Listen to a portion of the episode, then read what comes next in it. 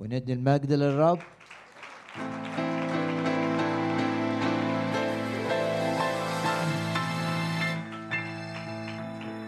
ادي المجد كمان للرب.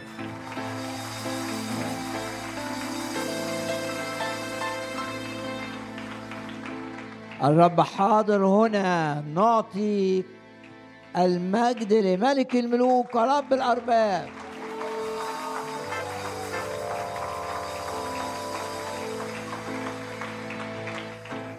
مكتوب فرح الرب هو قوتكم. افرح في محضر الرب واهتف للرب وقول هللويا. هللويا. هللويا. وعظم الرب يسوع.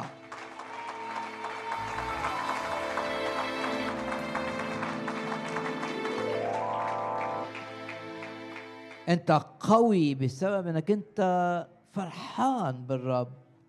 الرب في حياتك إن ليك علاقة معاه وإنك واثق إنه بيتحكم في كل الأمور لخيرك. عشان تبقى دايما في الارتفاع عشان كده بكل كيانك اهتف. لأن الكتاب بيقول طوبى للشعب العارفين الهتاف.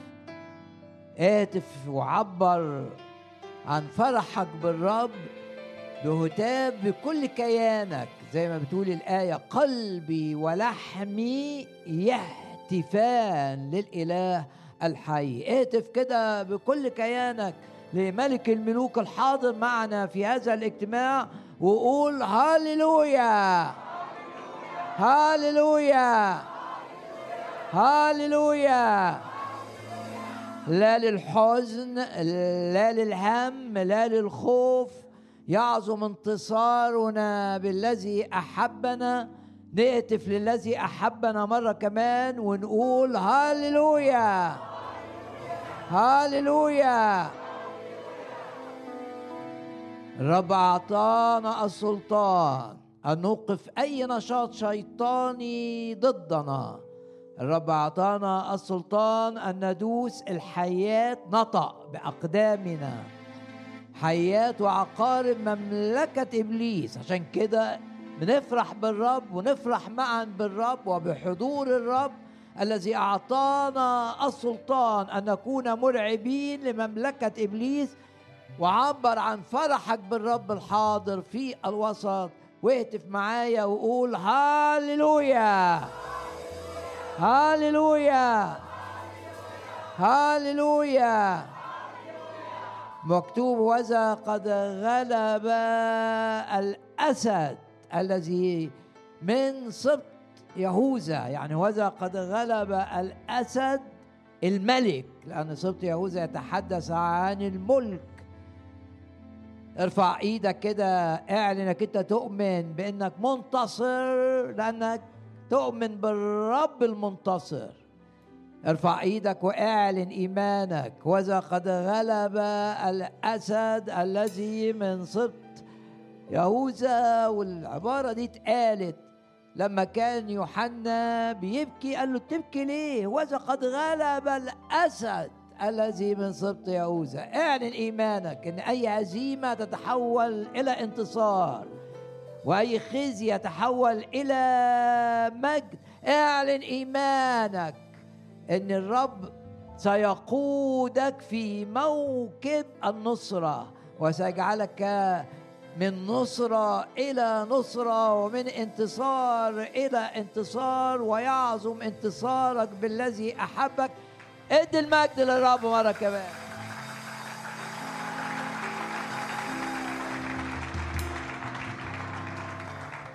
وذا قد غلب الأسد ارفع إيدك كده اعلن إن إبليس لن يستطيع أن يهزمك لن يستطيع أن يسلبك. ولو حدثت هزيمة اعلن إيمانك أن هناك انتصار تعويضي عظيم من الرب لك. وإذا كان حدث هزيمة أو سلب. اعلن إيمانك أن الرب يرد المسلوب لمجده يرده أضعاف وندي المجد للرب.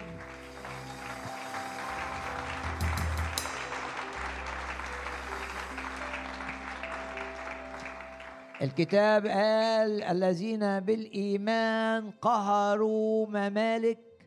ونرفع إيدينا كده نعلن إيماننا بالرب ونقهر. ونسحق. مملكة الحزن مملكة المرض. أي مملكة شيطانية تتحرك ضدنا في هذه جميعها يعظم انتصارنا بالذي أحبنا. وارفع إيدك كده معايا اعلن إنك أنت بتؤمن بالدم الثمين تؤمن بدم الرب يسوع. قول كده جواك أنا أؤمن بالدم. واعلن إيماني ان أنا قوي بسبب إيماني بالدم. وبسبب إيماني بالدم مفيش لعنات تأتي الي وبسبب إيماني بالدم مفيش سحر يقدر يأذيني. وسبب إيماني بالدم هغلب دائما الخطية وأغلب دائما إبليس وأغلب دائما المخططات الشيطانية. بسبب إيماني بالدم أنا محمي. ادي المجد للرب مرة كده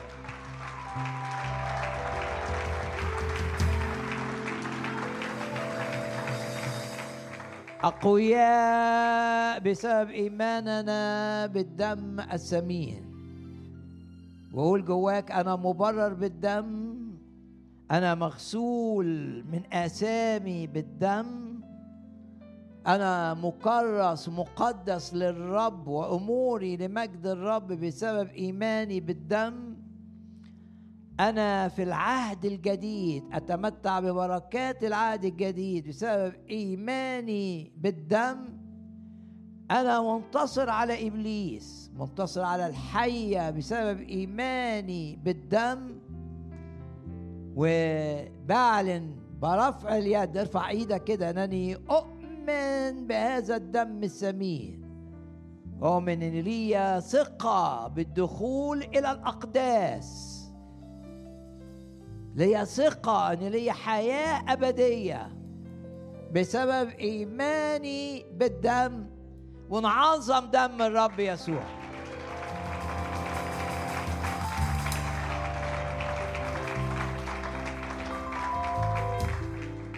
تعظيمنا للرب تعظيمنا لاسم الرب. وتعظيمنا ونحن مجتمعين معا لدم الرب. النتيجة إن في هذا الاجتماع هزيمة ساحقة للأرواح الشريرة وهزيمة ساحقة لإبليس اهتف للرب وقول هاليلويا.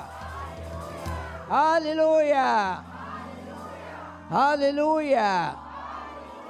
الوعد يحاربونك ولا ولا يقدرون عليك. إبليس مش هيقدر ياخد منك سلامك مش هيقدر ياخد منك فرحك. مش هيقدر اعلن إيمانك. مش هيقدر يطلعك بره خطة الرب الموضوع ليك. اعلن إيمانك إن إبليس عاجز عاجز عاجز تماما عن إيذائك وأن الرب يتحكم في إبليس. ويجعل كل ما يفعله إبليس يقول لخير عظيم لنا وندي المجد للرب مرة كمان.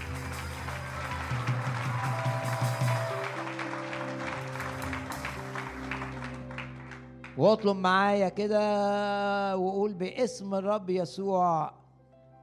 الروح القدس يعظم الرب يسوع في داخلي يعظم الرب يسوع أمامي. الروح القدس هو اللي بيعظم الرب.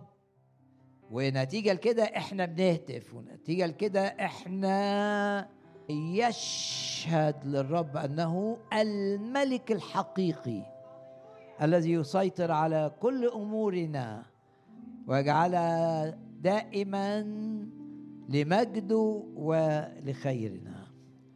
يا رب أشكرك وأباركك وأعظمك لأنك تلمس كل شخص هنا وتلمس كل شخص يتابع الاجتماع عبر الإنترنت. نشكرك لأننا لن نعود من الاجتماع كما أتينا. نشكرك لأنك تعظم العمل معنا. ونعلن إيماننا أن الرب يعظم العمل معنا. وفي الاجتماع يبقى في نقلة من حالة إلى حالة أخرى. وإيمان يجعلك تخرج من دائرة معينة متعبة إلى دائرة تعويضية من الرب. يا رب أشكرك لأننا هنا لكي ليس فقط تتحدث إلينا ولكن أيضا لكي تلمسنا اللمسة التي نحن في احتياج إليها. لمسة لمسة إلهية لتشجيعك باسم الرب يسوع. لمسة إلهية لرفع معنوياتك باسم الرب يسوع. لمسة إلهية لإزالة الخوف منك باسم الرب يسوع. لمسة إلهية للتخلص من الهم والقلق والانزعاج باسم الرب يسوع. لمسة إلهية. تعمل لشفائك النفسي ولشفائك الجسدي. ونعلن إيماننا أن في هذا الاجتماع في شفاء للأجساد المريضة مهما كان نوع المرض. وفي شفاء للمشاعر المجروحة مهما كان الجرح عميقا أو من مدة طويلة. ارفع إيدك معي اعلن إني يهوى رفا. يهوى رفا ده اسم من أسماء الله. نتقابل معه في سفر الخروج. معناه إيه؟ يهوى يعني الرب المرتبط معانا بعلاقة فيها عهد فيها التزام منه ده معنى كلمة يهوى. ورفا يعني يشفي. تبقى أنا لما يقول لك أنا الرب شفيك هتلاقيها في, في العبري أنا يهوى رفا الرب لا ينكر اسمه. ومن أجل أن اسمه يحمل الشفاء أنت إيمانك يرتفع بأن الرب يشفي مشاعرك بأن الرب يشفي نفسيتك بأن الرب يشفي جسدك المريض بأن الرب يشفي ويزيل ضعفك. والآية عظيمة تقول يعطي المعيا قدرة. في قدرة. الرب يلمسك فتلاقي نفسك عندك قدرة قدرة وشفاء وقوة.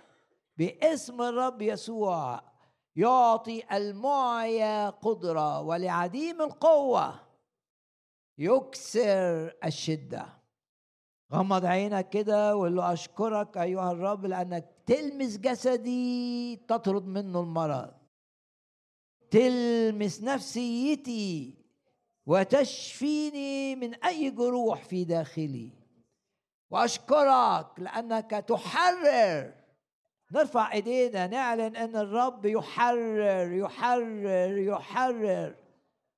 ولو في قيود عندك أمور سيئة مش بتتغير. حاجات بتعاني منها ووراه ربما سيطرة لأرواح شريرة بتعمل في دائرة الجسد زي المرأة المنحنية. كانت منحنية بسبب روح ضعف. يقول الكتاب قيدها الشيطان الرب اللي بيقول قد ربطها الشيطان ده القيد ربطها الشيطان في ظهرها ثمانية عشرة سنة. لو في قيود في حياتك في سيطرة لأرواح شريرة على صحتك على جسدك أو على نفسيتك في دوائر النفس في دوائر الجسد أو سيطرة للأرواح الشريرة. على أمورك في العمل أو أمورك العائلية في نشاط شيطاني. بنعلن إيماننا بالرب يسوع المحرر الأعظم. الرب مش بس هو الطبيب الأعظم. الرب هو المحرر الأعظم القادر أن يطلق صحتك من قيود شيطانية يطلق نفسيتك من قيود شيطانية يطلق شعبك من قيود يطلق شغلك من قيود شيطانية يطلق أمورك العائلية من أمور شيطانية. ارفع إيدك كده اعلن أن الرب المحرر الأعظم لن يبقى قيد في حياتي لن يبقى قيد في سيطرة شيطانية في جسدي لن يبقى في جسدي قيد لن يبقى في نفسيتي قيد لن يبقى في اللا شعور بتاعي قيد لن يبقى قيد في أمور العمل في أمور العيلة التي تخصني لن يبقى قيد. ارفع إيدك كده وزي موسى كده لما واجه فرعون.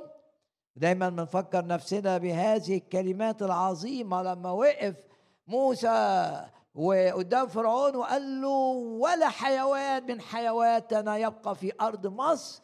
وبعدين قال الجملة العظيمة لا يبقى ظلف حافر بتاع حيوان تحت سيطرتك يا فرعون ارفع إيدك كده واعلن برفع إيدك انك انت رافض رافض رافض.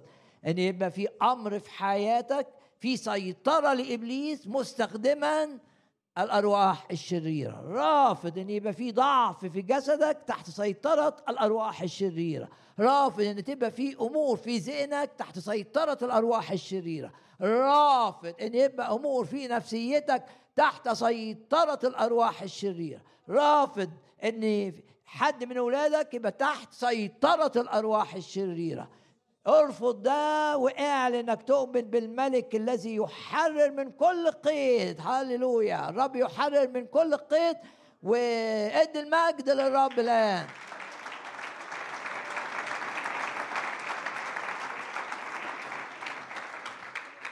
الرب قال للمرأة المقيدة أنت محلولة من ضعفك. وهو هو الرب اللي أطلق هذه المرأة من هذا القيد هو هو الذي يطلقك من سيطرة أرواح شريرة مختبئة أو ظاهرة باسم الرب يسوع. يحررك من سيطرة أرواح المرض يحررك من سيطرة أرواح الغي. من سيطرة أرواح الضعف من سيطرة أرواح النجاسة من سيطرة أرواح بتعمل في مجال الارتباطات العاطفية. يحررك من سيطرة أرواح مدمرة أرواح هادمة اعلن إيمانك أن الرب في هذا الاجتماع حاضر لكي يقول لك أنت محلول من ضعفك. أنت محلول من ضعفك. أنت محلول من ضعفك. وادوا المجد للرب الآن.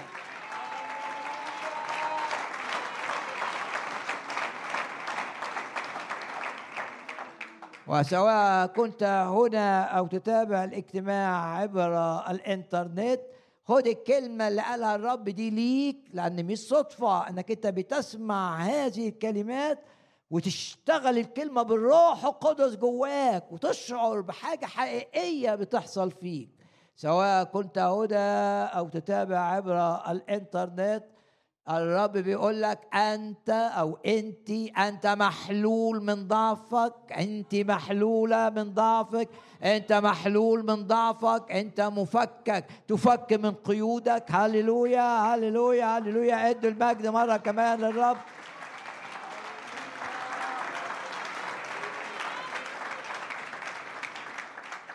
نعم من مثلنا شعب منصور بالرب. يعظم انتصارنا. يحاربونك ولا يقدرون عليك.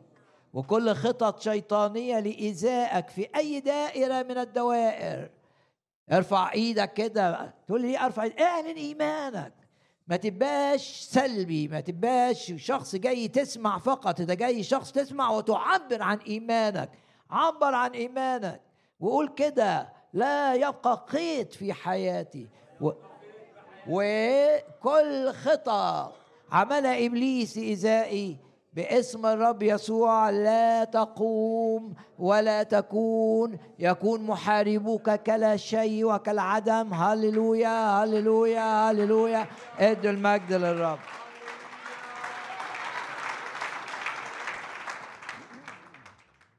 يا رب نشكرك ونباركك ونعظمك. لا تريد لأحد فينا أن يستمر مقيدا بضعف أو مرض أو نجاسة أو سلب أو فشل أو يأس.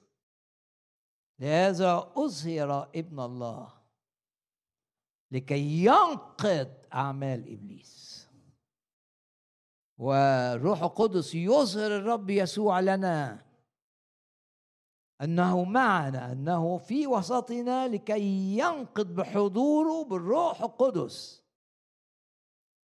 كل أعمال إبليس زي ما تقول الآية لهذا اظهر ابن الله لكي ينقض يدمر ينهي يبطل كل ما فعله العدو لايذائنا ونفسي تغمض عينك كمان معايا وتقول يا رب أشكرك لأنك أنت مش بس بتطلقني علشان أبقى حر تماما إنما أشكرك لأنك تطلقني لكي تستخدمني.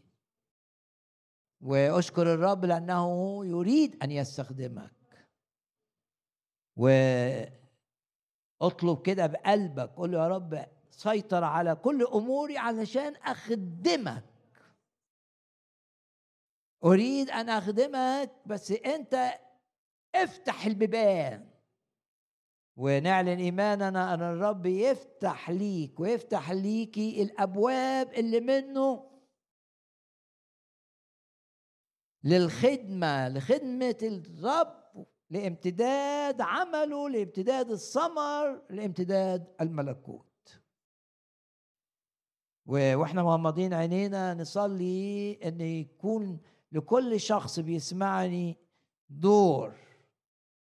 يبقى ليك دور في امتداد الملكوت في اتساع الملكوت في ربح النفوس. يبقى ليك دور من الرب لمجد الرب. والكتاب بيقول ولما صلوا امتلأ الجميع بالروح القدس.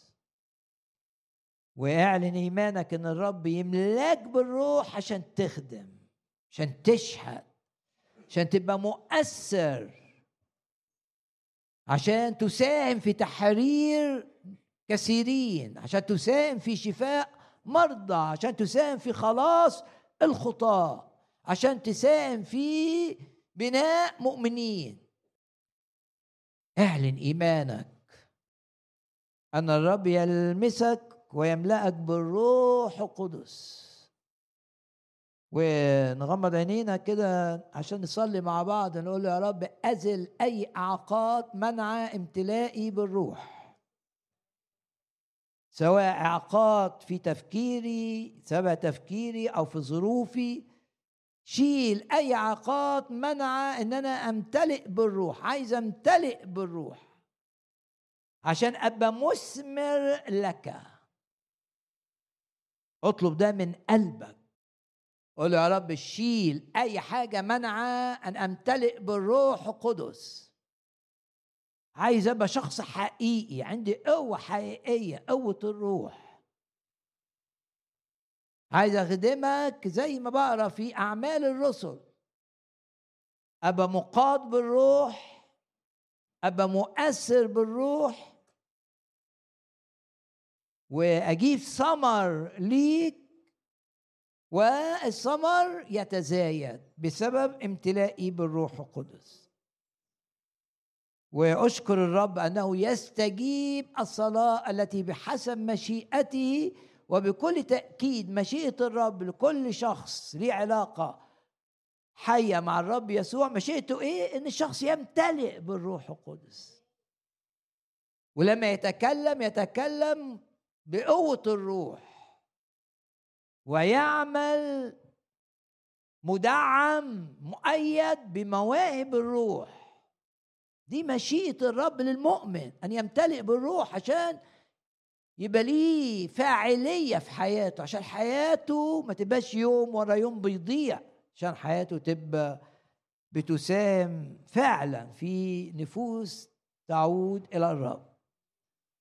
صلي كده وقول له أشكرك يا رب لأنك تستجيب الصلاة وأشكرك لأن مشيئتك الواضحة من الكلمة إن أنا واحد من أولادك أبقى مليان بالروح. فلما أخدم ما أخدمش بدوافع غلط أو بوسائل غلط إنما أخدمك وأنا في مشيئتك مؤيد بيك. أبقى شخص حقيقي صلاتي حقيقية.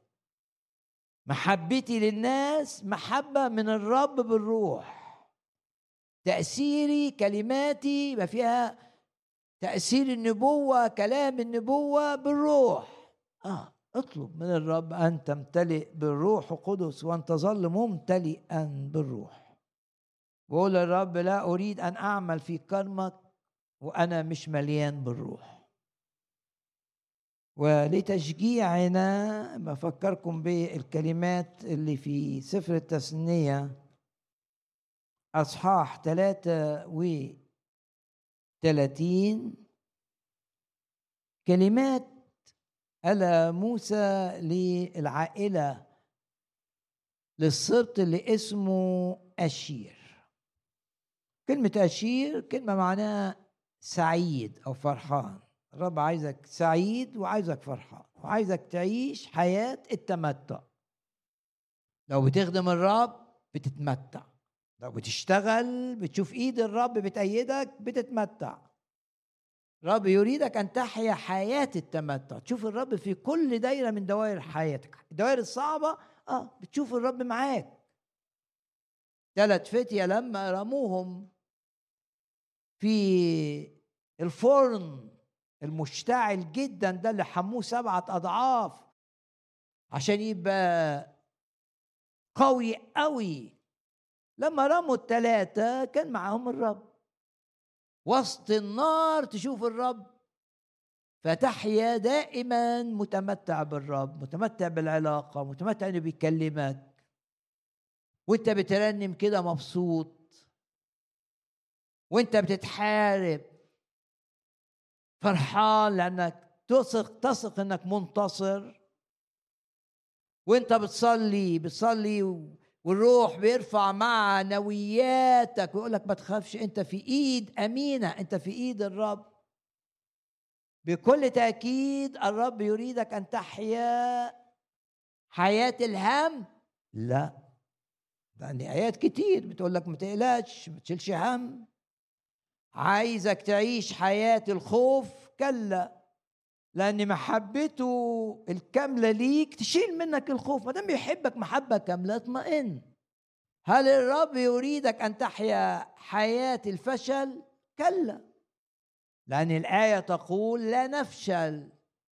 والآية تقول أن إله السماء يعطينا النجاح. هل الرب يريدك أن تحيا حياة النكد؟ أيضا كلا. ده كلمة تقول لك القلب الفرحان اللي جوه فيه فرح يشفي الجسد يطيب الجسد. الرب لا يريدك أن تحيا حياة هم ولا ألا ولا خوف ولا حزن ولا. الرب يريدك أن تحيا حياة التمتع. والآية تقول أنه أعطانا كل شيء بغنى. عشان نشيل هم؟ لا لا لا لا. بغنى للتمتع. لو انت شايل هم حاجة معينة أو إبليس بيخوفك من أمور معينة اطرح ده على الرب. القي على الرب همك. القي على الرب همك معناه تخلص من همك. هو ده المعنى. ملقين كل همكم عليه.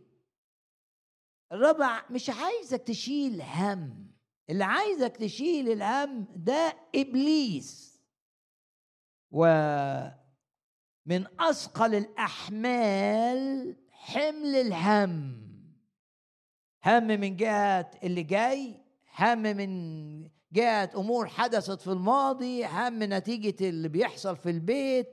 إبليس عايزك تشيل. عايزك تشيل أحمال ثقيلة. ومن أكثر الأحمال الثقيلة من أثقلها ثقل الهم. عايزك تروح شغلك خايف مهموم هتلاقي كذا هيحصل كذا.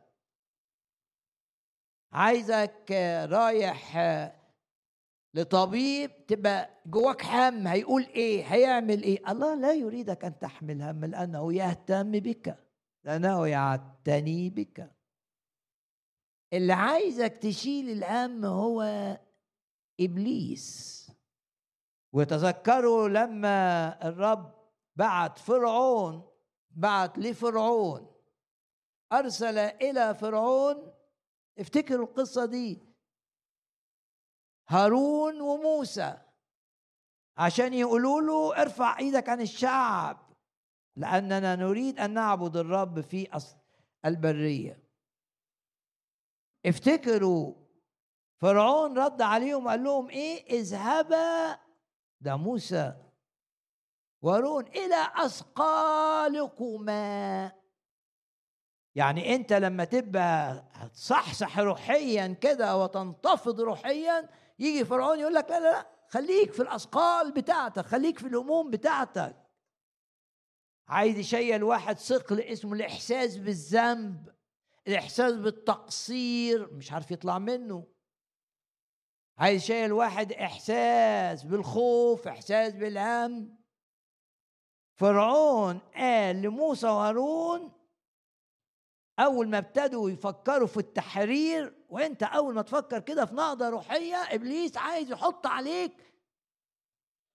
هموم تبقى تقيلة عليك عايز يحملك بالأثقال. وأقرأ لك الآية اللي بتظهر شوف الكتاب المقدس يظهر لك إبليس بيعمل إيه. لا نجهل أفكار العدو. مين يقدر يقول الآية دي؟ لا نجهل أفكاره. اللي بيدرس الكلمة. لأن الكلمة نور. والنور يكشف مخططات مملكة إبليس اللي ضد المؤمنين. و أقرأ لك ال... الآية اللي بنقراها معا في آه، سفر التكوين. في سفر الخروج آسف. من الأصحاح الأول يقول لك فجعلوا عليهم رؤساء تسخير لكي يذلوهم بأثقالهم. يبقى الأحمال بتاعة الهم دي أو أحمال الخوف أو أحمال الحزن أو أحمال الذنب تجيب مذلة لكي يذلوهم بإيه؟ بأثقالهم. ده أول آية إن دي آه، المخطط الشيطاني إن يخلي المؤمن شايل حمل تقيل. بسبب أخطاء ارتكبها بسبب أمور سيئة حدثت معه في في الأصحاح الخامس. لما موسى وهارون راحوا لفرعون عشان يطلعوا يطلعوا الشعب من بره سيطرة فرعون ماذا قال لهما؟ آية أربعة اذهبا إلى أثقالكما. هو ده تبقى طالع من الاجتماع يقول لك لا. يبعت لك بقى أفكار وأفكار عشان تشيل الهم يقول لك اذهب إلى أثقالك. ده مرتبط بمواجهه أنت واجهت الضعف بتاعك واجهت الخطية بتاعتك واجهت المشكلة اللي أنت فيها واجهت المرض اللي أنت فيه في الاجتماع. وعارف إن الحاجات دي وراها قوى شيطانية. والشيطان عايز يأذي صحتك عايز يأذي نفسيتك عايز يأذي حياتك العائلية. بس أنت في الاجتماع انتفضت وعظمت الرب وأعلنت إن الرب انتصر وقلت وذا قد غلب الأسد وأنا مع الرب منتصر. إبليس بقى بكل طريقة يريد أن يجهد النهضة دي. عايز تطلع من الاجتماع مش مرفوع الرأس. آه يخليك مرفوع الرأس بس يبتدي بقى يبعت لك أخبار يبتدي يخلي ناس تكلمك بكلمات سلبية. تقدر تشوف ده في رد فعل فرعون اللي هو إبليس لما موسى وهارون ابتدوا يفكروا في النهضة ابتدوا يفكروا في التحرير في طاعة الرب. في الخروج من أرض المذلة في الخروج من أرض العبودية. عايزين نتحرر عايزين نعبد الرب عايزين حياتنا ما تبقاش للخطية عايزين نبقى ضد الخطية عايزين نتحرر من قيود النجاسة. تيجي تعمل كده يجي إبليس يقول لك لا لا لا لا. اذهب زي ما قال لموسى وهارون اذهبا إلى أثقالكما. وابتدى يبعت يعمل أوامر عشان الأثقال تزيد لما تقرأ في الأصحاح الخامس. ارفع إيدك كده وقول باسم الرب يسوع إن إحساسي بالنهضة إحساسي بإن أنا هطلع وهخدم وهسبح وهسبح بكل كياني وهفرح وأعيش حياة التمتع ده لن يضعف في داخلي. اللي بيعمله الرب في الاجتماع لن يفقد. لازم تبقى واثق كده إن الرب يديك دفعة لا تفقد. يعني موسى وهارون معنوياتهم لم تنخفض وابتدوا يصروا أكتر وأكتر وأكتر لغاية ما حدث التحرير الشامل الكامل ليهم ولكل الشعب باسم الرب يسوع.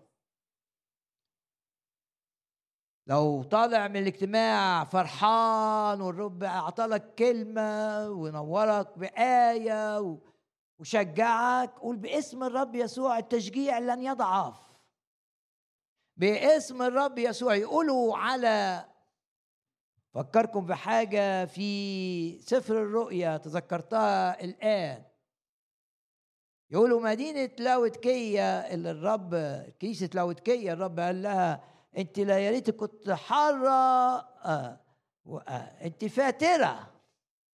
يقولوا إن المية سخنة قوي اللي طالعة من نبع بعيد عن المدينة. وبعدين عشان توصل المدينة وهي واصلة كده المدينة كل شوية تفقد درجة حرارة ما شاف قناة.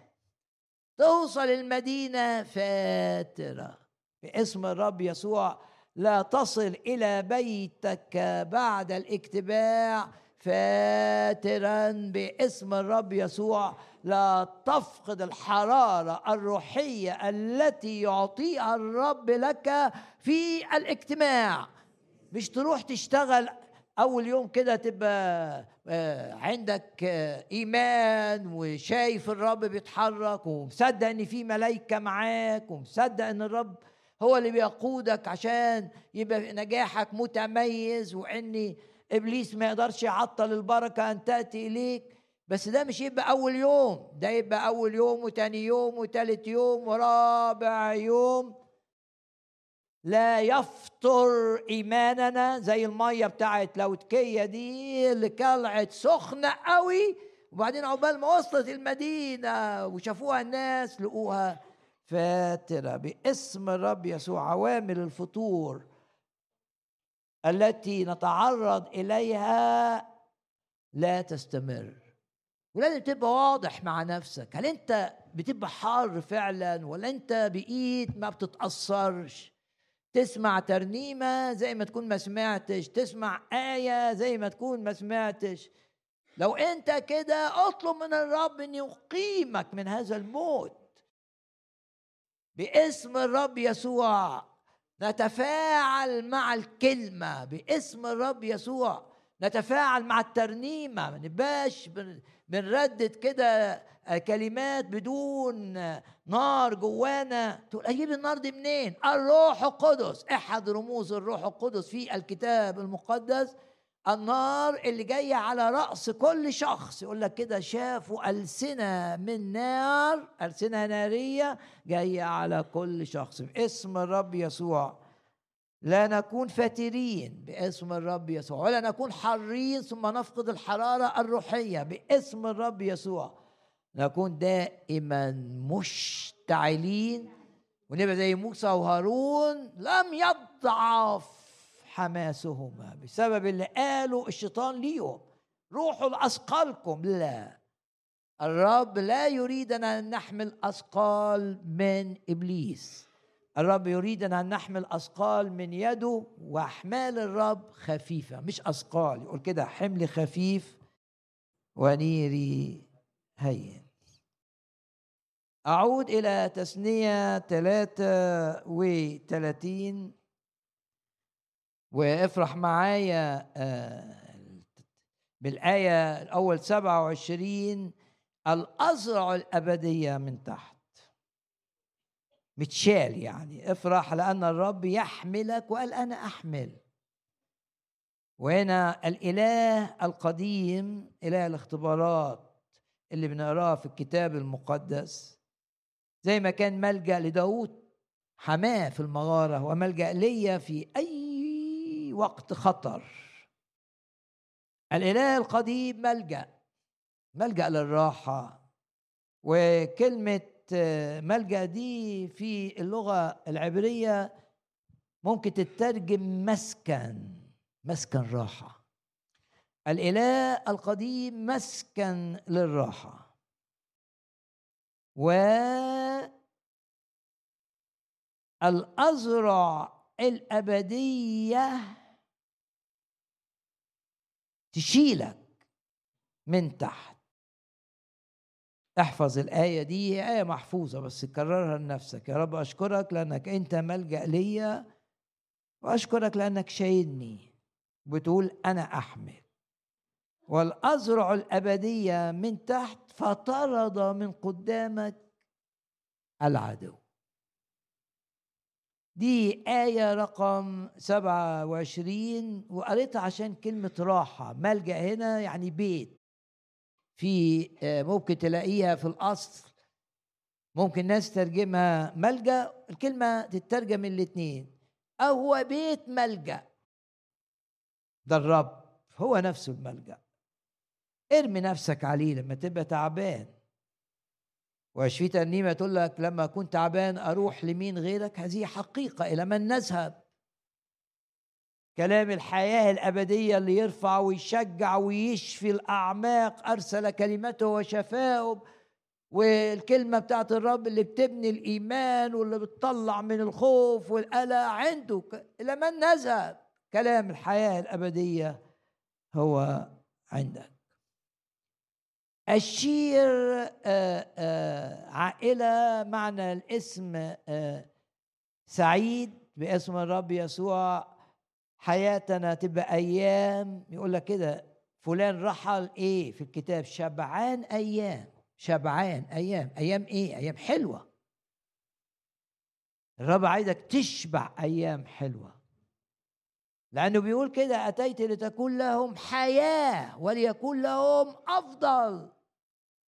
وكلمة أفضل يمكن سمعتوني كتير بقول كده في اليوناني تعني حياة فيها خيرات وفرة فيها وفرة فيها وفرة فرح فرح زيادة فرح سلام زيادة. كل الناس تبقى قلقانة وأنت تقول أنا في زمن القحط لا أكف عن الإسمار مع الكتاب قال كده قال إن المؤمن في زمن الناس كلها بتعاني هو شايف إيد الرب. هو شايف إيد الرب بتعمل معاه معجزات. كل الناس بتخسر وهو بيكسب. كل الناس. قلقانه وهو سعيد. آه يقول لك في زمن القحط. المؤمن لا يكف لا يتوقف يعني عن الإثمار. لأنه شجرة مغروسة على مجاري المياه. لأنه هو زي الشجرة كده واخدة السلام بتاعها والطمأنينة والإيمان والشفاء من المية. بتاعت الروح القدس.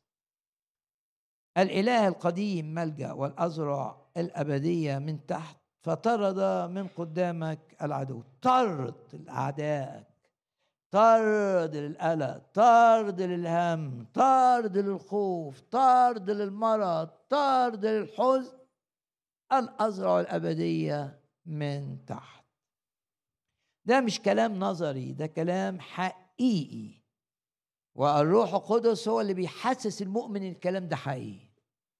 عشان كده بركز في هذه الكلمة عن ضرورة الاهتمام بالروح القدس وضرورة طلب الامتلاء بالروح القدس. لأن من غير الروح القدس هتتحول إلى مؤمن جاف تبقى جاف كده ما فيكش حياة تبقى عبارة عن عقل مليان معلومات فقط معرفة. ما فيش اختبار ما فيش تمتع ما فيش قعدة مع الرب لذيذة ما فيش ترنيمة حلوة بتحس إنك أنت فوق في السماء. لماذا؟ لأن الروح القدس انطفى لأن الروح القدس مش بيشتغل. ركز على الروح القدس ولو حسيت إنك أنت جاف قل له يا رب لو في أي حاجة في حياتي منع امتلائي بالروح القدس تعامل معي. أنا بسلم لك نفسي. ورايي إنك ما تخافش تسلم نفسك. سلم نفسك كده للرب. يا رب أنا مش خايف أسلم نفسي. أنا بسلمك نفسي وأيامي والمستقبل.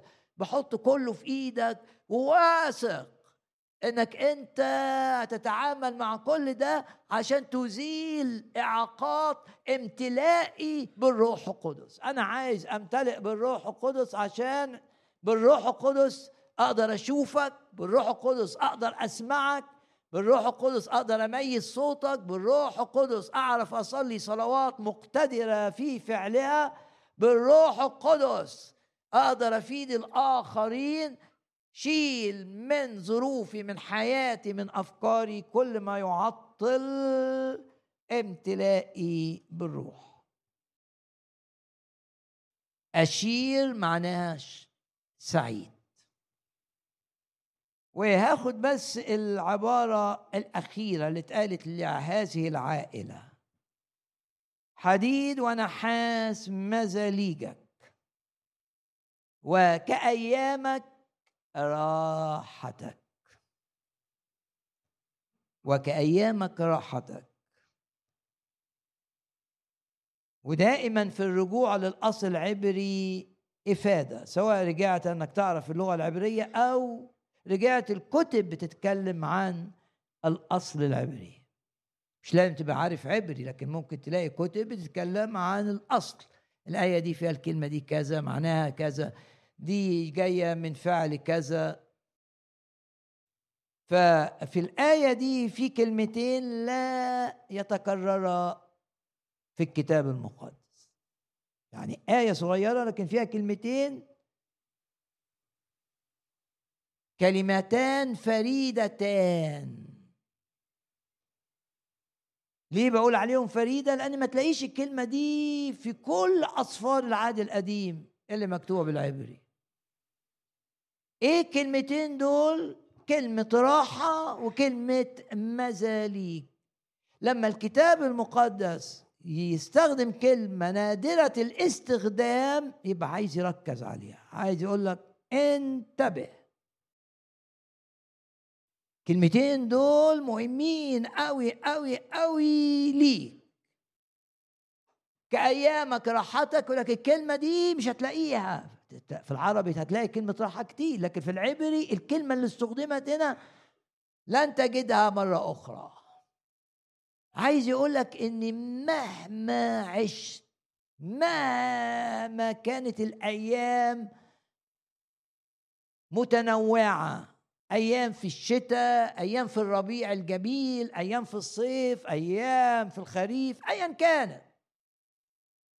ده وعد عشان تعيش سعيد. تمسك فيه إيه؟ ان كايامك راحتك إن الرب هيدي لك راحة منه فريدة من نوعها لأن الكلمة فريدة كلمة لا تتكرر يديك راحة تخصك أنت. تلاقي نفسك عندك راحة داخلية. في أيام الربيع فقط لا يقول لك كأيامك. مهما طالت بك الأيام مهما اختلفت الظروف مهما سمعت من أخبار سوء. يعني المزامير تقول لك في خبر السوء إيه رب معاك ما تخافش يحول اللعنة البركة هو ممسك بالأمور. مشكلة إن أنت إيمانك ضعيف. المشكلة إنك أنت عقلاني. المشكلة إنك أنت بتفكر زي ما الناس العادية بتفكر. تصل تفكر وأنت شايف الرب بينك وبين المشكلة بينك وبين المرض بينك وبين الحاجات اللي تعباك. تشوف الرب. وحينما ترى الأمور من خلال الرب الروح القدس هيرفعك من جوه ويقول لك كل ده سيتحول لمجد الرب بكل تأكيد ولخيرك أيضا بكل تأكيد. كأيامك راحتك. وبعض الترجمات ترجمة راحه دي قوتك. يعني أي يوم في تحدي الرب يديلك قوة تناسب التحدي. ما تخافش. أي يوم في متطلبات مادية الرب سيرسل لك المتطلبات اللي عايز. الرب لن يجعلك تخزى في شيء. وتأمل إزاي إيليا في وقت المجاعة بياكل. كل الناس ما بتاكلش وهو بياكل. ومين اللي بيخليه ياكل؟ ارمله ليست من شعب الرب فقيرة. دي طرق الرب العجيبة. الذي يسدد بها احتياجات المؤمن. لكي لا يأتي يوم يقول فيه ان طبق الدقيق نقص أو الكود بتاع الزيت قل. لأن إله إيليا هو إله كل مؤمن. كأيامك تكون قوتك وكأيامك تكون راحتك. ولما يقول حديد ونحاس مزاليجك هنا المزاليج ليها أكتر من معنى يعني الكلمة فريدة من نوعها بس أخد معنى واحد اللي هي الإقفال بتاعت البيبان. يبقى آية فيها الراحة من الرب كأيامك راحتك. مريت في الأسبوع اللي فات دي بأيام صعبة؟ قل لا بس الرب بيقول ده كأيام راحتي. يحول اللعنة إلى بركة يطلع من الجافي حلاوة. كأيامي تكون راحتي شعار حطه قدام عينيك دائما. لا تخشى من خبر السوء ليه؟ كأيامك راحتك. الرب يشيلك. العظمة الأبدية من تحت عشان تعيش الشير السعيد. وفي ذات الوقت يحفظك يحفظ السلام اللي بيديهولك. لا يسلب يحفظ الطمأنينة اللي في داخلك لا تؤخذ منك. يحفظ الإيمان اللي بيحط جواك. لا يضعف.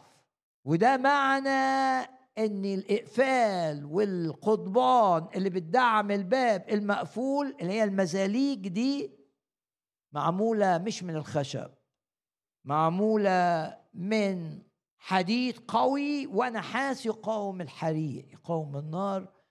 يبقى آية في الآية فيها الراحة والقوة وفيها الحماية. ونتذكر معا الكلمات المشجعة التي لنا في سفر المزامير. رب بيقول لك إيه؟ حط الايات دي قدامك. وقول دي المزاليج اللي الرب بعتها لي في الاجتماع. دي الإقفال اللي أقفل بيها الابواب آه، أمام العدو أمام أذى الناس وامام أذى الحسد وأمام أذى آه، النشاط الشيطاني. إيه المزاليج دي؟ أقول لك المزاليج دي تبقى آيات. آيات. آيات تمسك في الآيات تردد الآيات تصلي بآيات الكتاب التي تتكلم عن الحماية وما أكثرها. لكن أكتفي بالآيات في مزمور من مزامير الحماية.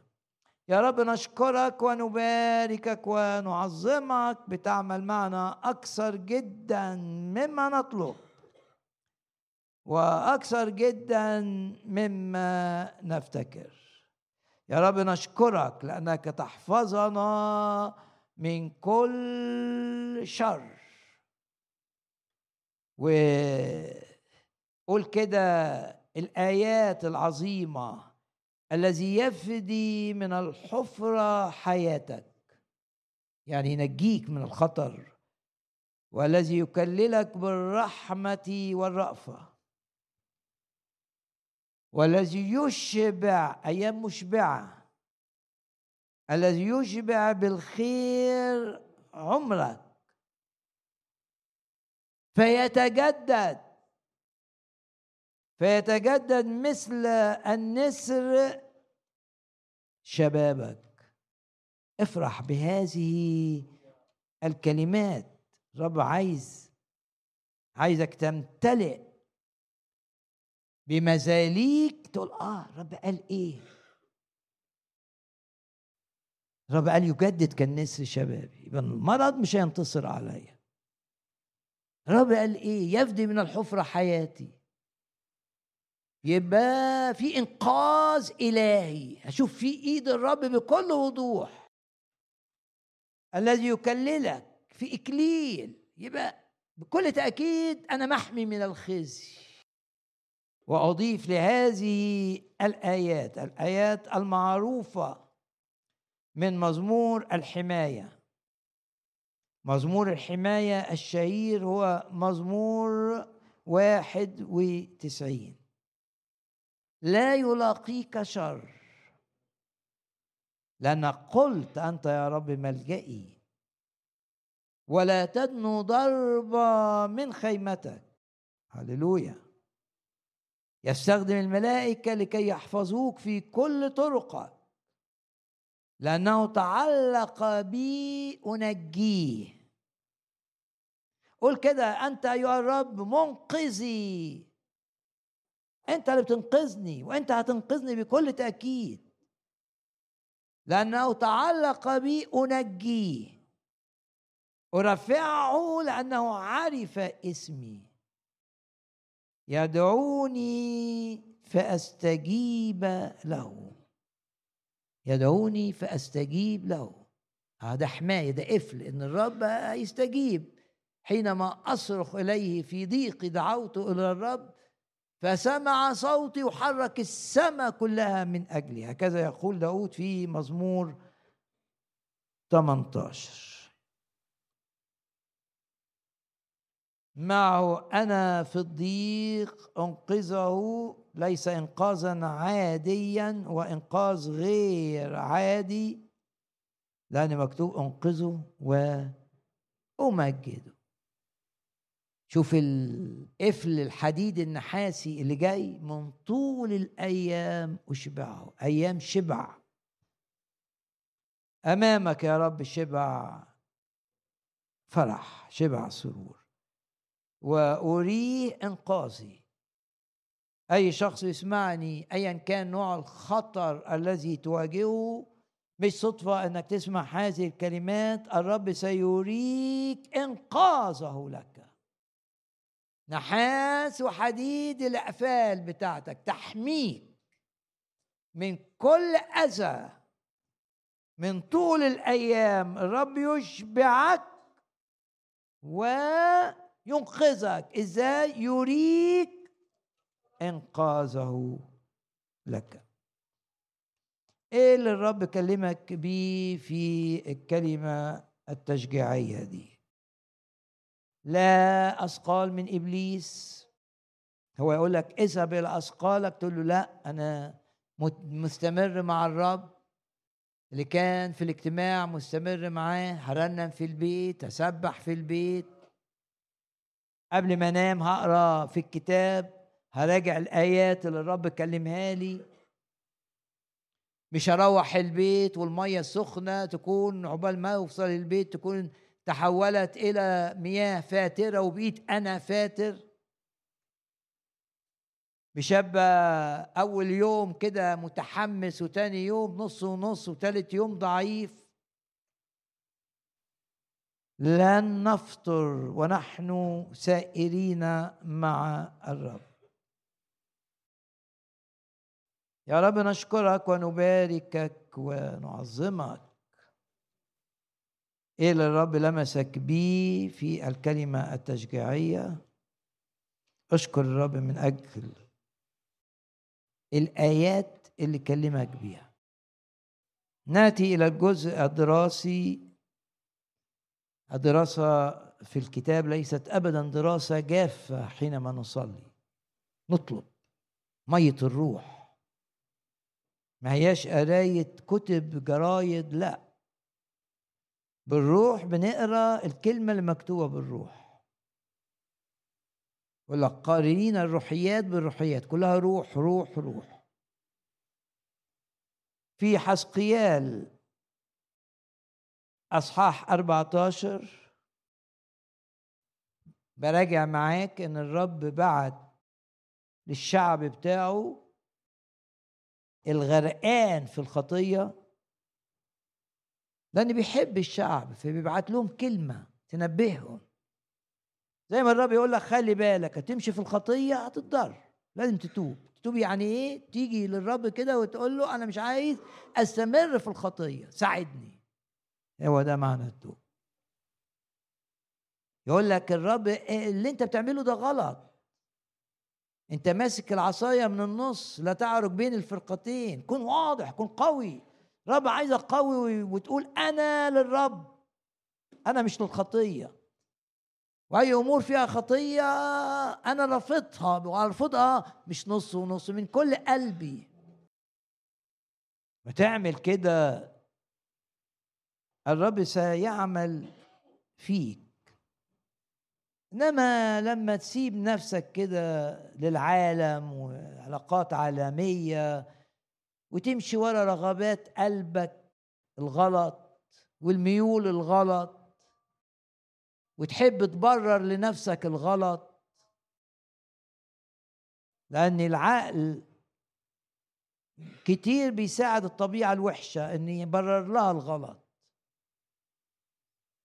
لا كنيك واضح. أنا غلطان أنا ضعيف أنا مستسلم. تعال للرب كما أنت. اطلب من الرب أن يتدخل في حياتك بقوة. ولو مقيد اطلب من الرب أن يحررك.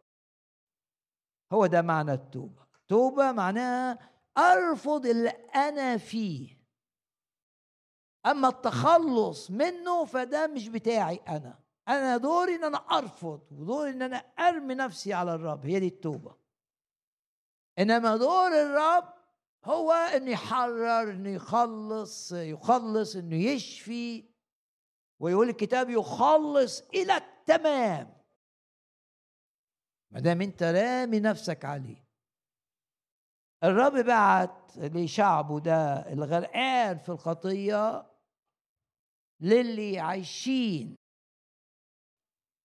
في أورشليم بعت لهم أرميا النبي. أربعين سنة بيتكلم عن التوبة والرجوع للرب ورفض الخطية وتحذيرات لأن مفيش حد هيعيش في الخطية. والشوك مش هيجيله عشان الشوك ما يجيلكش لازم تيجي للرب وتقول أنا عايز أسيب الخطية مش قادر أعيش غلط بس مش قادر. آه بس قول للرب تعالى. إنما بقى ما تجيش وسيب نفسك لرغبات قلبك ما يزرعه الإنسان إياه يحصد تزرع لجسدك من جسدك هتحصد إيه؟ فساد. أرميا كلم الشعب كتير قوي أربعين سنة. شعب اللي هو في أورشليم. والشعب اللي بقى اللي كان جزء من الشعب ده راح بابل نتيجة الخطية. برضه بعت لهم حسقيال يبقى عندنا نبي هنا ونبي هنا. لم يتجاوب الشعب التجاوب كان شكلي أو سطحي. التغيير ما كانش عميق مش في القلب كأنه ما حصلش. والتوبة اللي حصلت للشعب أيام أرميا. لأن أرميا عاصر كذا ملك فالشعب تاب. في أيام الملك يوشيا لكن أمام الرب كانت توبة شكلية. مش عميق مش حاجة قلبية كده واحد بيحب الرب ومش عايز يرجع للخطية لا. مش التوبة اللي فيها أنا بحبك وعايز أحبك أكتر وعايز أخدمك وعايز أتمتع بيك. لم تكن التوبة أيام الملك يوشيا توبة حقيقية. كانتش توبة كانت شكل بس. ليه؟ لأن الملك الملك هو اللي بينادي للشعب إنهم يحطموا التماثيل الغلط ما دام الملك بيقول كده نعمل كده لكن القلب يقول لك أصعدوا الحاجات اللي كسروها دي دي طاعة للملك ودوها القلب بتاعهم. خطية ما رافضها علشان خايف من نتائجها خايف من الناس مش عشان بيحب يسوع. فيقول لك أصعدوا أصنامهم إلى قلوبهم. ده في حسقيال 14 وآية 3 إن هنا مش هنا ما راحش للرب وقال له قلبا نقيا اخلق فيه الله. أنا عايز قلب جديد كده مليان حب ليك وحب للكلمة وعايز أعيش أمجدك وعايز أخدمك وعايز ظروفي تتغير عشان أخدمك وعايز أكسب. علشان يبقى معايا فائض ضخم فلوس آه، أنفقه في امتداد ملكوتك وفي أعمال محبة للفقراء. لا ده مش مشغول. يبقى التوبة شكلية. التوبة الحقيقية تغير حياة أو بلغة أدق تغير تفكير الإنسان وتجعله تفكيره مختلف. هو عايز يمجد الرب هو عايز يخدم الرب هو مش عايز أيامه تضيع. حتى لو عايز ينجح عايز نجاحه ده يستخدمه الرب اللي النفوس تعرف الرب. عايز فلوس تيجي لخدمة الرب. آه مليان. مليان بإيه؟ بالملكوت وبالر... هي دي التوبة الحقيقية. يبقى القلب حصل فيه حاجة. زي ما له قلبا نقيا. اخلق فيا يا الله المشكلة هنا عندي جوه في قلبي. ممكن ما اعملش خطيه داود الخطية دي تاني لكن تبقى الخطية جوايا. لا أنا عايز قلب بيحبك عايز قلب عايز يتمتع بيك ويتمتع باجتماعاتك ويتمتع بالناس المؤمنين ويصلي معاهم. عايز أتغير عايز أسيب العناد اللي أنا فيه. عايز أبقى متواضع زي ما أنت قلت تعلموا مني لأني وديع ومتواضع القلب. عايز يبقى عندي المحبة حتى للأعداء عايز يبقى عندي الإيمان اللي يشوف في أي حاجة صعبة حاجة كويسة. هي دي التوبة. لم يتب الشعب. في الأربعين سنة ما تبش توبة حقيقية والتوبة اللي حصلت أيام الملك يوشيا والكتاب أظهر كده برضه كانت توبة شكلية. زي واحد كده التوبة الشكلية بتاعته هيبتدي يدفع عشور مثلا أو التوبة الشكلية بتاعته هيبتدي يحضر اجتماعات. كويس بس المهم الاجتماعات دي تغيره من جوه تخليه بيحب الرب بيحب الكلمة بيحب وبيكره الخطية مش عايز حياته تبقى المجد الرب عايز بيته يبقى المجد الرب يقول أما أنا وبيتي فنعبد الرب عايز أولاده يطلعوا خدام مؤمنين. يكرزوا آه هي دي التوبة الحقيقية. اسأل نفسك هل توبتك توبة حقيقية؟ مأثره في تفكيرك. تخليك مش عايز تكذب مش عايز تلتوي مش عايز تبرر غلطك. شايف الرب في حياتك بقوة هي دي التوبة الحقيقية. حسقيال وأرميا زي ما شفنا في الأسابيع الماضية كانوا بيصلوا إن الشعب يتوب. وبيصلوا إن الرب يأجل العصايه أو بيأجل نتائج الخطايا. يعني هم زرعوا شوك هيطلع شوك. لا هم بيصلوا عشان الشوك يتأجل شوية. وليه يتأجل؟ عشان يبقى الشعب عنده فرصة إنه يتوب. يعني كانوا بيقولوا له زي المثل اللي قاله الرب اني هيجي انتظرت على الكرمة دي ثلاث سنين أتركها أيضا. أدي يعني ما, ما فيش داعي تخليهم يجنوا النتائج دلوقتي ما فيش داعي إنهم يرحلوا هذه الأيام ما فيش داعي إن البابليين يستولوا على المدينة. إديهم فرصة. وده اللي كان بيعمله الخادم الخادم الحقيقي يصلي إن الاجل الناس اللي الرب بعته ليهم ياخدوا فرص ياخدوا فرصة. يجوا اجتماع. يبقى هيموتوا دلوقتي. لا الرب يشفيهم عشان ياخدوا فرصة يسمعوا الكلمة يتجاوبوا معاها عشان يبقى نالوا الخلاص فعلا. ده اللي عمله أرميا وحسقيال لحد ما جه وقت الرب قال أرميا مش هديهم فرصة تاني. خلاص أعطيتهم فرص كتير واستنفذوا الفرص. وقال لأرميا ما تصليش تاني من أجل هذا الشعب هتلاقي ده في أرمية سبعة وأرمية 11 وأرمية أصحاح 14 ثلاث مرات. أرمية عشان بيحب الشعب مش عايز الشوك يجي عايزه يتأجل عشان الشعب يتوب فما يجيش الشوك أبدا. صلى كتير قبل كده جه وقت الرب قال له إيه؟ لا تصلي. وانت لو بتتشفع لشخص ممكن يجي وقت تلاقي نفسك مش قادر تصلي من أجل إن الشخص ده ياخد فرصة كمان. حاول ما تقدرش. تقول لي إيه السبب؟ إيه السبب؟ إن الشخص اللي أنت بتصلي من أجله استنفذ كل الفرص. رب عطاله فرص كتيرة جدا سنوات عديدة وكان بيقسي قلبه بيقسي قلبه بيقسي قلبه بيقسي قلبه فبقي زي فرعون خلاص مش هيبقى ليه فرصة جديدة. قال الرب لي في أرمية 15 وإن وقف موسى وصموئيل أمامي يعني مش العيب فيك يا أرمية إن أنا قلت لك ما تصليش. لا.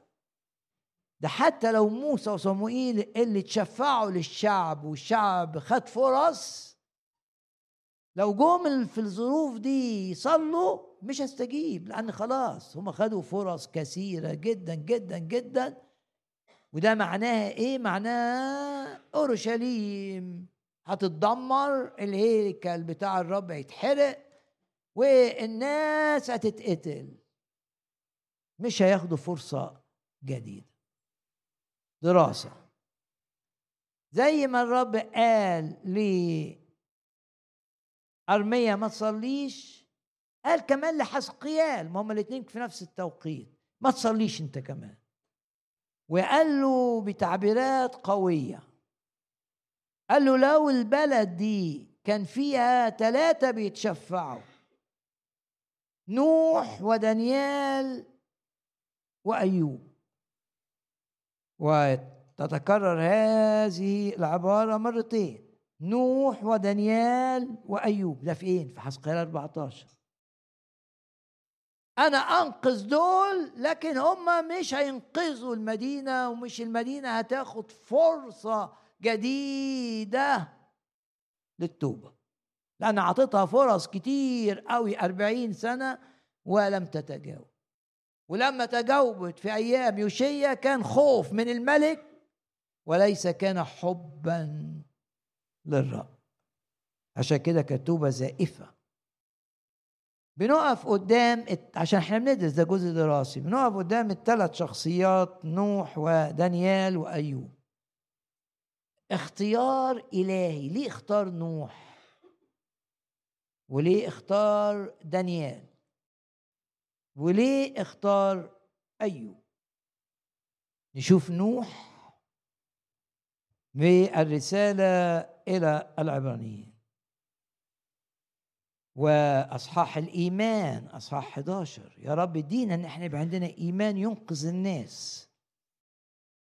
اللي لسه الفرص ما استنفذوهاش. كتير من الناس اللي حواليك لسه الفرص لم تستنفذ. لأن الرب عنده طول أناة. عبرانيين 11 والكلام عن آه، نوح. بالإيمان نوح لما أوحي إليه عن أمور لم ترى بعد. إن في نتائج للخطية هتحصل زي ما سفر الرؤيا بيقول لك في نتائج للخطايا اللي في العالم هتحصل. في ضربات صعبة قوي هتيجي على كل المسكونة على كل العالم. وتقرا عن السبع أختام وتقرا عن السبعة أبواق وتقرا عن السبعة ويلات وكلها ضربات خطيرة. ليه؟ لأن خلاص في الوقت ده مفيش فرص ثانية اغلق الباب. بالإيمان نوح لما أوحي إليه عن أمور لم ترى. أنت عندك إعلانات إن في إن الرب جاي. وإن اللي ما قبلش الرب يسوع هيدخل في ضيقات عظيمة. وبعدين في هلاك في عذاب أبدي. نوح لما عرف كده عمل إيه؟ خاف فبنى فلكا لخلاصه هو لا يقول لك لخلاص بيته. يبقى نوح بيمثل الشخص اللي بينقذ بيته. عندنا أمثلة في الكتاب لناس أنقذت بيوتها غير نوح؟ نعم. أب العيلة. يوم ما شعب الرب طلع من أرض مصر كان بيذبح الخروف ويحط الدم على الباب ويقفل الباب يحط الدم على العتبة العليا والقائمتين. كان بينقذ العيلة كان بينقذ اللي جوه البيت. كان بينقذ ابنه البكر. هل في الكتاب المقدس في أمثلة أخرى؟ نعم. لما سجان آمن بالرب يسوع بسبب أنه آمن بالرب يسوع وتغيير واضح قوي في حياته في الليلة دي لما شاف الأبواب بتاعت السجن بتتفتح وشاف الحب بتاع بولس بيقول له أوعى تموت نفسك. مفيش حد هيطلع من السجن مفيش حد هيهرب رغم إن الأبواب مفتوحة. شاف الحب واحد عايز ينقذه مش ينتقم منه. قال له آمن بالرب يسوع فتخلص. آمن وتغيرت حياته. النتيجة إيه؟ بيته كمان. يقولوا مش هو بس اللي عرف الرب ده بيته كلهم اتعمدوا في هذه الليلة. رغم إن كان نص الليل. يبقى واحد جاب ناس أو كان سبب خلاص ناس. هل في أمثلة؟ عندنا مثل رحاب. يقول رحاب لما أمنت أنقذت عيلتها كلها جابتهم كلهم وحطتهم في الشقة بتاعتها اللي في السور اللي هيقع والشقة ما وقعتش. رغم إن السور كله وقع أنقذت عيلتها. عشان كده الروح القدس اختار نوح. لماذا؟ لأن إيمان نوح أنقذ عائلته فبنى ملكا لخلاص بيتي غمض عينك كده مع الدراسة دي واعلن إيمانك إنك أنت الرب هيستخدمك من أجل أفراد الأسرة. ستتشفع من أجلهم وسيصنع الرب أمور في حياتك. يستخدمها الروح القدس سببا لإيمانهم وخلاصهم. الرب يعملك زي نوح بركة لعيلتك. مش صدفة إنك أنت بتسمع هذه الكلمات. عايز يقول للرب لحسقيال ده لو نوح موجود مش هيعرف ينقذ عيلته الشريرة علشان الشر بتاعهم زاد. لكن أنت عيلتك ما وصلتش لهذا المستوى. قول كده جواك باسم الرب يسوع أكون في حياتي مع الرب بركة لعائلتي. وأختم بالآية. تذكرت الآن آية أختم بيها. يبقى الرب بيشاور على نوح ليه؟ عشان نوح نجح في إنقاذ عائلته. سفر التكوين الرب بيقول لإبراهيم لأني عرفته عرفته لكي يوصي بنيه وبيته من بعده أن يحفظوا طريق الرب. عشان يعيشوا في القداسة. ليعملوا برا وعدلا. يبقى هنا الرب بيقول لإبراهيم أنا عرفتك عشان تبقى إيه؟ أباركك وتكون بركة. وتكون بركة اولا لبيتك لكي يوصي بنيه وبيتي من بعده أن يحفظوا طريق الرب. يا رب نشكرك ونباركك ونعظمك لأنك تريدنا أن نكون مثل نوح تريدنا أن نكون مثل رحاب تريدنا أن نكون مثل صاحب البيت اللي ذبح خروف الفصح تريد أن نكون مثل إبراهيم بركة لبيوتنا. بصلواتنا بتشفعاتنا وبالأمور العظيمة التي تفعلها معنا. نقف جميعا في محضر الرب الآن. رجاء انشغل بحضور الرب في الوقت الباقي من الاجتماع. تأكد أن الرب يريد أن يلمسك. وده وقت متميز. بنختم فيه الاجتماع وإحنا بنسبح وبنصلي. والمحتاجون إلى شفاء يشفيهم الرب. واللي محتاجين تشجيع هيشجعهم الرب. ولن تكون كما أنت. اوعى تيأس من نفسك. الله لم ييأس منك. يسوع لم ييأس منك. يسوع بيحبك. ولأنه يحبك يريد أن يغيرك. ولأنه يحبك يريد أن يستخدمك. ده أهم وقت في الاجتماع الوقت ده. وقبل ما تنام بقى الروح القدس يفكرك بالآيات اللي سمعتها في الجزء التشجيعي كأيامك راحتك أزرع الأبدية من تحت. مزاليجك القضبان اللي بتقفل الباب معمولة من حديد ونحاس. أنت محمي أنت مش لأثقال فرعون أنت لأحمال لذيذة من الرب. قبل ما تنام كده فكر ومتأكد أن الروح هيعمل فيك وتبتدي تقلب في الكتاب وآية تقودك لآية. تلذذ بالرب. فتنال كل حاجة. فتنال سؤل قلبك. أنت تحطم القيود. وأنت تكشف الأسرار وكل قلب في جمود بلمستك يحالها.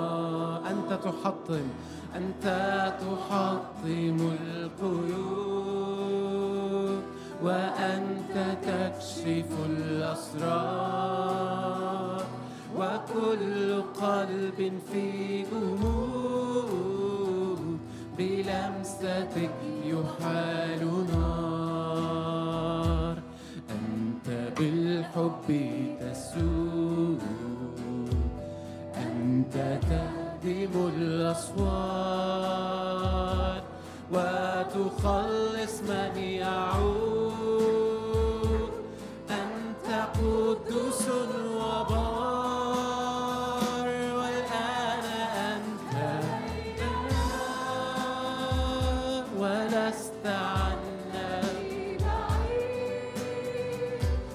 اسمع لنا وأملأنا بروحك من جديد فتهتفا أعماقنا ومعك شيئا لا أريد. ويشهد بأنك رب تهدأ البحور. أنت تمنع. نحو السلام. أنت تغفر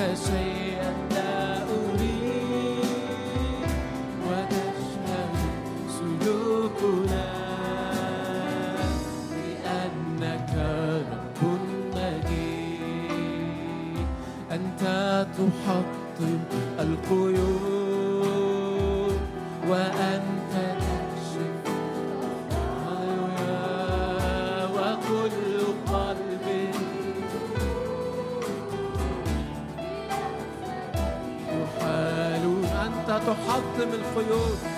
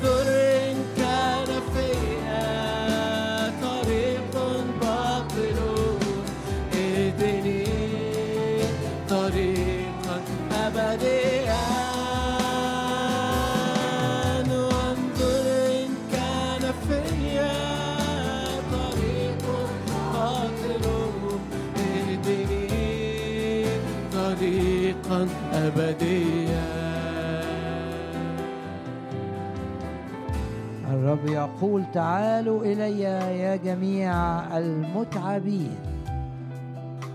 لو تعبان في أي دايرة في أي من أي فكرة لأي ظرف الرب بيقول لك تعالى إلي. أنا هدي لك الراحة أنا هدي لك الطمأنينة. أنا هملاك بالسلام. أنا هعوضك عن الوقت. اللي تعبت فيه. لن تفشل. تعالوا إلي يا جميع المتعبين وثقيلي الأحمال. ارمي حمالك على الرب ما تخافش. هو يعتني بك أعظم اعتناء. اعتناء ما فيهوش فشل. اعتناء فيه مجد. مكتوب أنقذه وأمجده. يا رب نشكرك لأنك تسدد كل احتياجاتنا كل احتياجاتنا. لا يعثر عليك أمر. سدد كل احتياجاتنا بحسب غناك في المجد. نشكرك لأن وعدك أنا أسير قدامك أنا أسير قدامك والهضاب أمهد. كل جبل وأكمة في طريقك كل جبل وأكمة ينخفض. والأبواب تفتح ولا تغلق. أشكرك لأن وعدك لنا من طول الأيام أشبعه واري خلاصي. يا رب نشكرك من أجل الملائكة التي ترسلها لتسهيل امورنا لحمايتنا لإنقاذنا لإفساد المخططات الشيطانية المقامة ضدنا. نشكرك لأن العدو يأتي إلينا في طريق واحد ولكنه ينسحب من أمامنا مشتتا في سبعه طرق. نشكرك ونباركك ونعظمك. هللويا.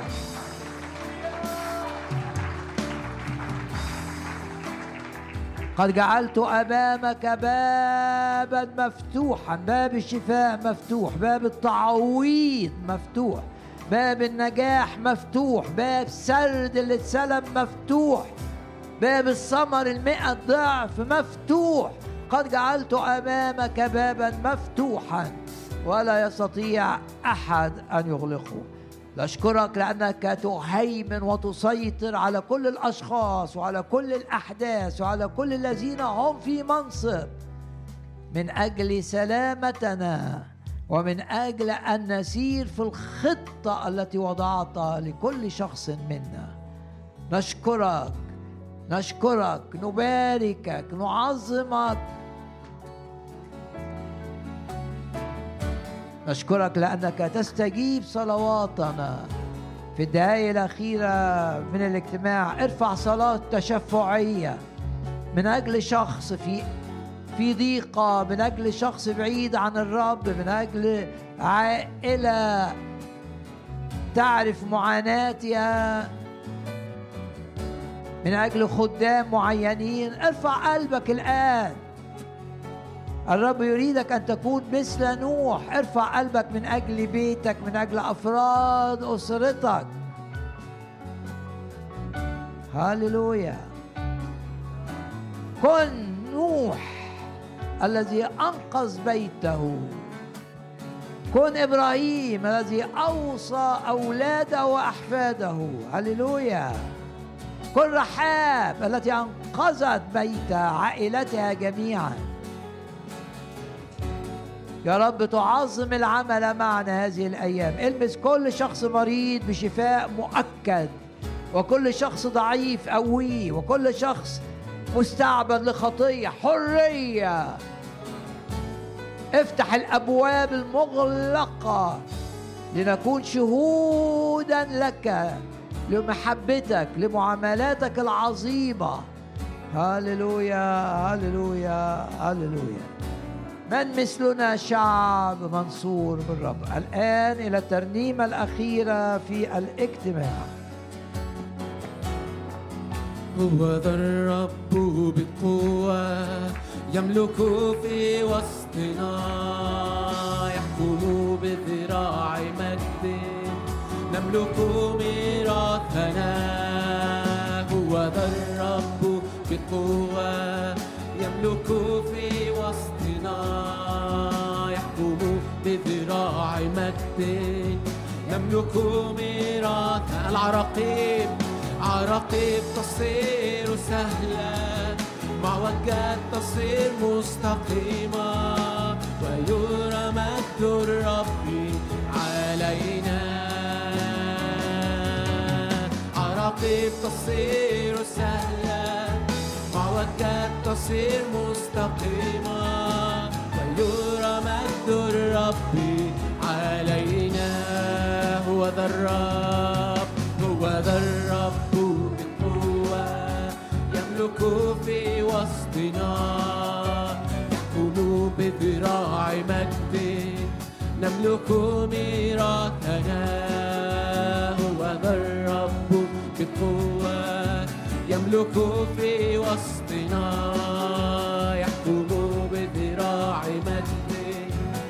يملك ميراثنا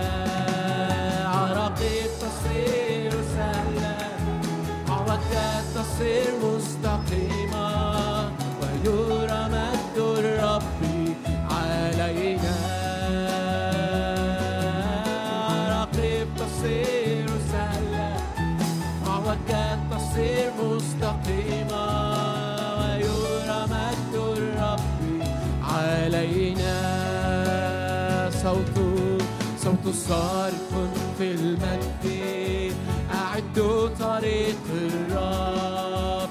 كل جبل في القفر ينحني لصوت الرب. صوت صارخ في المجد. كل جبل في القفر ينحني صوت الرب. عراقيب تصير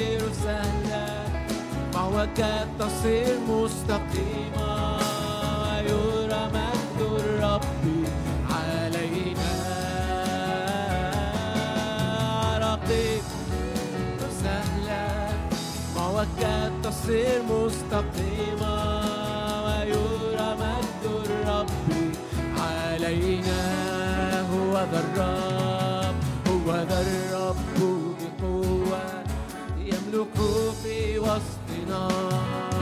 يحكم بذراع ميراثنا هو بقوة يملك في وسطنا.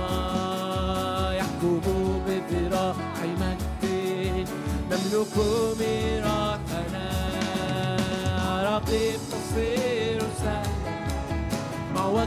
تصير مستقيمة.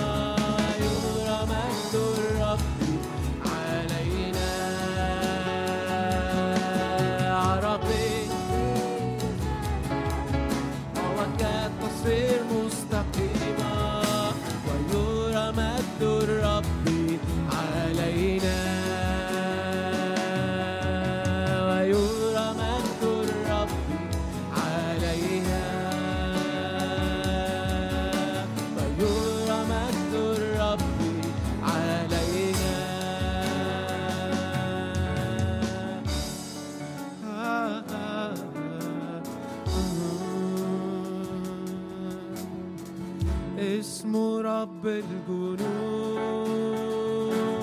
أمامه جبال تدور يكسر كل القيود يشفي كل الأمراض يهدم كل الأصوات.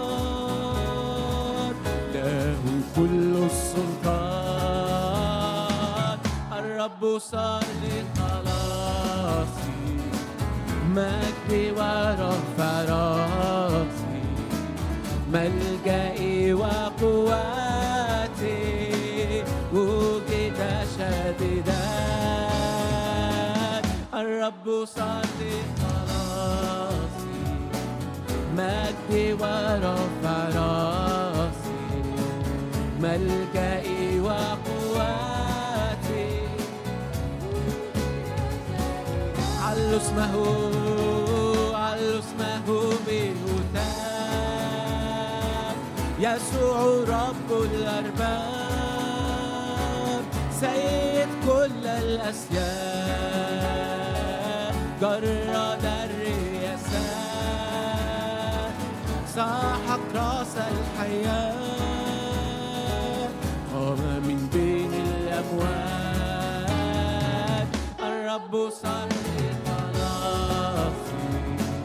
مجدي ورفع راسي ملجئي وقواتي وجد شديدا الرب صار خلاصي مجدي ورفع راسي ملجئي وقواتي وجد شديدا علوا اسمه علوا اسمه بهتاف يسوع رب الأرباب سيد كل الأسياد. جرد الرياسات ساحق راس الحياة. قام من بين الأموات الرب صار لخلاصي مجدي ورفع راسي. ملجئي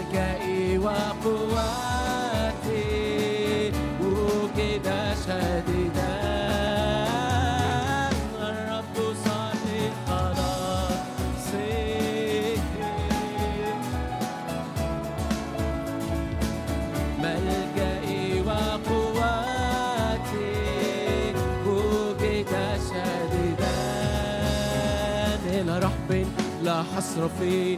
أنت تخرجنا إلى أرض متسعة. أنت تطلقنا إلى رحب لا حصر فيه. أنت تخرجنا إلى أرض متسعة. أنت تطلقنا ترسل مطرا علينا. فتروي أرضنا يدك تصنع عجائب لن يفدى شعبك؟ ترسل مطرا علينا. يدك تصنع عجائب لن يخزى شعبك. إلى رحب لا حصر فيه. أنت تخرجنا إلى أرض متسعة. أنت تطلقنا إلى رحب لا حصر فيه. أنت إلى أرض متسعة.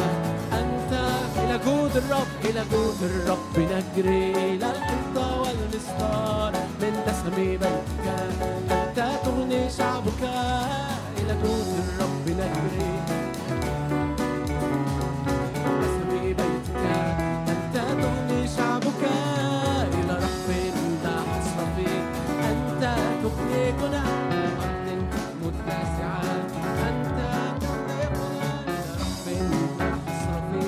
أنت تخرجنا إلى أرض متسعة أنت ترسل مطرك علينا فتروي أرضنا يدك تصنع عجائب لن يخزى شعبك ترسل مطرك علينا فتروي أرضنا يدك تصنع عجائب لن يخزى شعبك إلى رحب لا حصر فيه.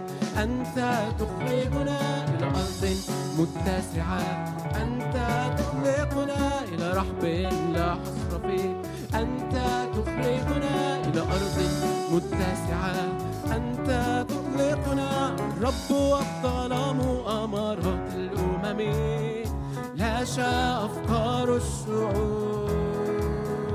أما مؤامرات الرب فإلى الأبد تثبت. أمارات الأمم أفكار الشعوب هللويا الرب فإلى الأبد أفكار قلبه إلى دور فدور أفكار قلبه